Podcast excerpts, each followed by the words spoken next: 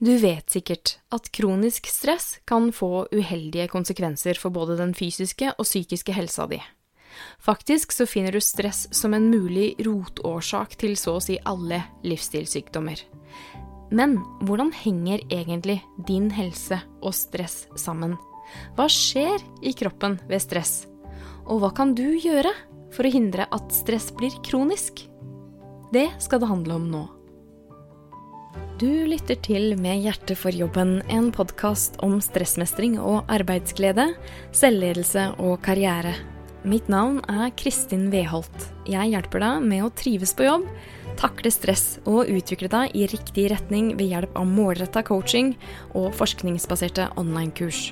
Du finner meg på kristinweholt.no. I mediene så ser jeg at stress blir omtalt som den nye folkesykdommen. Jeg er en språknerd, og jeg er ikke så sikker på at vi er tjent med en sånn språkbruk, å kalle stress den nye folkesykdommen. Å oppleve stress fra tid til annen er helt normalt, stress i seg sjøl er ikke farlig. Og så skal det være sagt at kronisk stress kan føre til sykdom, men det blir feil å kalle stress en sykdom. Språk skaper virkelighet. Og hvis vi ukritisk slenger om oss med ord som egentlig ikke passer, så kan det gi oss et bilde av virkeligheten som ikke stemmer helt. Så med det vil jeg oppmuntre til presis ordbruk. Ikke vær redd for stress fordi du leser om alt det farlige som er med stress, for det skaper bare mer stress. Det å være redd, altså. Hensikten min med å snakke om hva som skjer i kroppen når du opplever stress, er å lære bort hvordan du kan oppdage stresset tidlig, så du kan gjøre nødvendige justeringer før stresset rekker å bli kronisk. Stress handler om overlevelse. Kroppen vår har en innebygd beredskap for situasjoner hvor vi møter en trussel. Og den beredskapen kaller vi stressresponsen. Stressresponsen har vært helt kritisk for vår overlevelse som art opp gjennom evolusjonen, og når vi studerer det som skjer i kroppen ved stress, så blir det fort tydelig at vi i bunn og grunn fortsatt er dyr.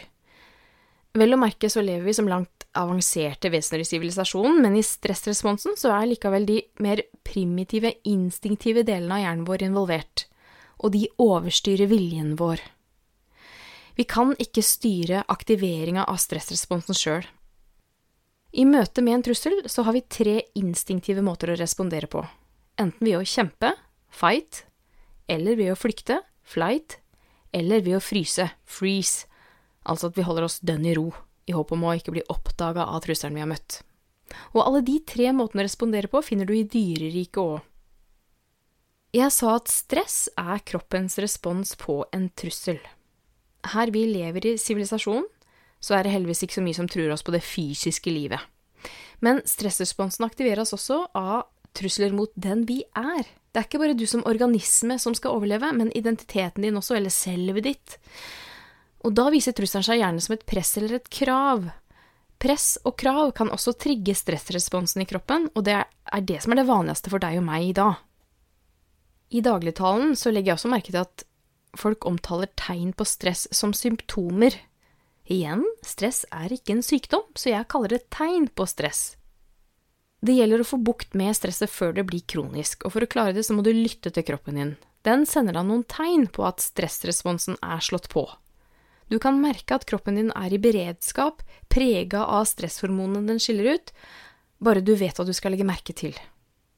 Stress viser seg som fysiske, psykiske og atferdsmessige tegn. Du kan altså se stresset ditt i kroppen, i tankene dine og i følelsene dine og i måten du oppfører deg på. Både kropp, tanker, følelser og atferd henger sammen og påvirker hverandre.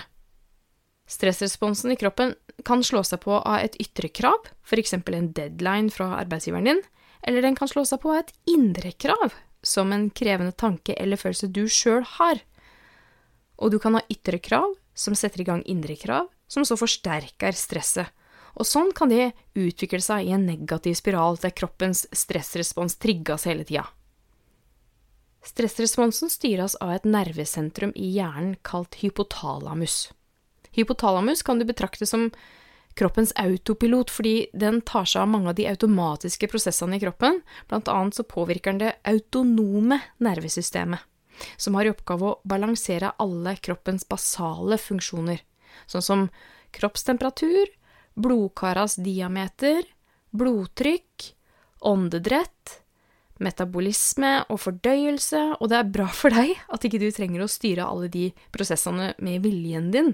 Takk og lov for hypotalamus og det autonome nervesystemet som styrer seg sjøl. Hypotalamus påvirker også kjertelsystemet, som annet produserer hormoner. Når du møter en trussel eller et krav, så sender hypotalamus lynraskt signaler til det autonome nervesystemet at her kommer en trussel eller et krav, Aktiver det sympatiske nervesystemet. Fra det sympatiske nervesystemet sendes nerveimpulser til kjertelsystemet om at stresshormon som adrenalin, noradrenalin og kortisol må produseres. Adrenalin og noradrenalin bidrar til at kroppens funksjoner skjerpes eller dempes alt etter hva du trenger for overlevelse i møte med trusselen eller kravet. Luftveiene dine utvider seg og kan ta inn mer oksygen. Glykogen lagra i leveren og i musklene dine de brytes raskt ned til glukose for at du skal få mer energi. Hjerterytmen din øker, blodkar utvider seg, og energirikt blod omdirigeres til kritiske funksjoner som f.eks. muskler, som gir deg raskere reflekser, mens fordøyelsen, som ikke er kritisk der og da, begynner å gå saktere. Pupillene dine utvider seg for at øynene dine skal se bedre, kroppshåra dine reiser seg for at du skal bli følsom for bevegelse rundt deg, lukt og hørsel blir skarpere.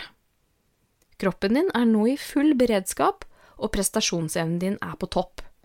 Alt det her skjer i et raskt tempo, og det hele er rett og slett ganske imponerende, spør du meg, men det er også her du ser at vi er dyr, sant? Ca 30 minutter etterpå oppstår en forlenga stressrespons. Hypotalamus sender beskjed via kjertelsystemet om at binyrene skal skille ut kortisol.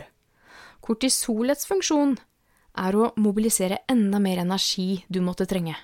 Og kortisolet, det kan hemme betennelser som måtte oppstå, altså det aktiverer immunforsvaret ditt, men det kan også stenge ned immunrespons for å omdirigere den energien til mer akutte behov i kroppen som har oppstått som følge av trusselen eller kravet som du deala med nå. Og kroppen har med andre ord evnen til å fungere på et skjerpa nivå også over litt tid, med evne til å reparere seg sjøl i fall trusselen har påført deg skader.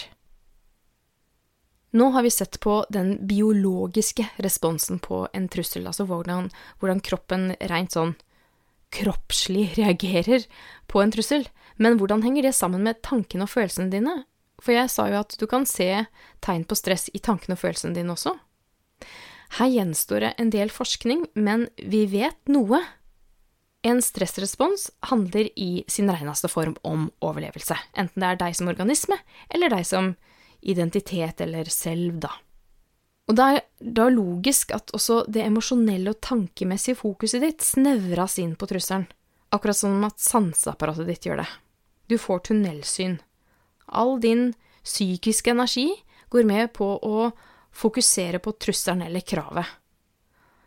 Da kan du kanskje gjette deg til at tankene og følelsene dine lett kan bli litt nedstemte ved å ha så stort fokus på noe vanskelig, for det, det er jo trusselen eller kravet. Noe vanskelig. Når trusselen eller kravet er beseira og det sympatiske nervesystemet har gjort jobben sin, som er å skjerpe prestasjonsevnen din, så har det overordna autonome nervesystemet et helt eget nervesystem for å bringe kroppen tilbake til normaltilstanden sin, det parasympatiske nervesystemet. Du kan tenke på det sympatiske og det parasympatiske systemet som to nervesystemer som balanserer hverandre. Det sympatiske nervesystemet skaper liv og røre. Altså, du er på alerten. Det parasympatiske nervesystemet skaper fred og ro. Du går tilbake til normaltilstanden. Hvis du vil lære deg å takle stress, så må du vite hvordan du kan aktivere det parasympatiske nervesystemet. Altså, mye av det her det skjer jo automatisk, sant, ved at du kan beseire trusselen eller kravet, eller du kan fjerne deg fra det. Men det fins også teknikker for å aktivere det helt sånn kroppslige parasympatiske nervesystemet, f.eks. noen pusteøvelser. Og på den måten, ved å aktivere det parasympatiske nervesystemet, så unngår du at frys, kamp eller fluktresponsen ikke blir en kronisk tilstand. Tatt i betraktning alle kroppsfunksjoner som enten blir skjerpa eller dempa ved stress, så er ikke aktivert stressrespons heldig for kroppen over tid. Det er da vi snakker om negativt eller kronisk stress som kan føre til sykdom. Kroppen finner ikke hvile, den blir overbelasta med stive muskler og hypersensitivitet, og langvarig stress kan annet forstyrre hjertet, fordøyelsen og immunforsvaret ditt, og du vil slite med konsentrasjon, med hukommelse og innlæring, og det mentale fokuset på trusselen eller kravet vil også gjøre det ganske vanskelig for deg å samarbeide med andre, du kan ha en litt sånn forvirra kommunikasjon, og det blir lett misforståelser og konflikter. Så vi vet fra forskningen at stresshormonene er assosiert med aggresjon, angst og depresjon, nærmest en sånn indre usunn versjon av kamp, flukt eller frys. Hvis du vil sjekke om du har tegn på negativt stress, så kan du ta en enkel, gratis stresstest jeg har laga til deg. Du kan laste den ned på kristinveholt.no slash stresstest. Jeg begynte jo denne episoden her med å insistere på at stress er normalt, og ikke noe du skal være redd for. Stress kan til og med være positivt. Kanskje liker du en utfordring du kan bryne deg på, så du takker ja til å holde en presentasjon for mange mennesker, eller du tar på deg et stort prosjekt eller en oppgave med en stram deadline. En sånn utfordring utløser en stressrespons hvis, hvis, det, hvis det virkelig er en utfordring for deg, på den måten som jeg nettopp beskrev. Og den føles bra. Du kjenner stressresponsen i kroppen som et deilig rush av energi. Et adrenalinkick, sant? Fokus og spenning, og du går inn i dyp konsentrasjon, inn i flytsonen, i flow. Du blir ett med oppgava, og opplevelsen av tid og sted opphører, og du fungerer rett og slett på ditt beste. Sånn skal det være, og den opplevelsen er verdt å strebe etter med jevne mellomrom. For hvis ikke du får den, så opphører læringa og utviklinga di. Det her, det er positivt stress. Stress blir først negativt når det varer over tid, når det blir kronisk. Når utfordringa rett og slett blir for stor for deg. Når det sympatiske nervesystemet alltid er aktivert, og du ikke får hvilt deg mellom slaga. Så hvis du har en jobb som setter deg på prøver, og du kjenner adrenalinet bruse i blodet, stressresponsen er på, ikke bli redd. Så lenge du faktisk kan mestre utfordringa, og det sympatiske nervesystemet balanseres av det parasympatiske nervesystemet med nok hvile underveis, så kan du bare kjøre på. Du har lytta til Med hjertet for jobben, en podkast om stressmestring og arbeidsglede, selvledelse og karriere. Mitt navn er Kristin Weholt, og jeg er coach, kursinstruktør og karriereveileder. Vil du selv lese artikler og andre kilder jeg viser til i podkasten, sjekk shownotes til denne episoden. Og vil du lese artikler og se videoer jeg har produsert, gå til medhjerteforjobben.no. Der kan du også melde deg på nyhetsbrevet mitt og få tilgang til gratis ressurser som er relevante for stressmestring. Gå gjerne inn og rate denne episoden, og del den med en venn som kanskje også kan ha nytte av å høre denne. På gjenhør!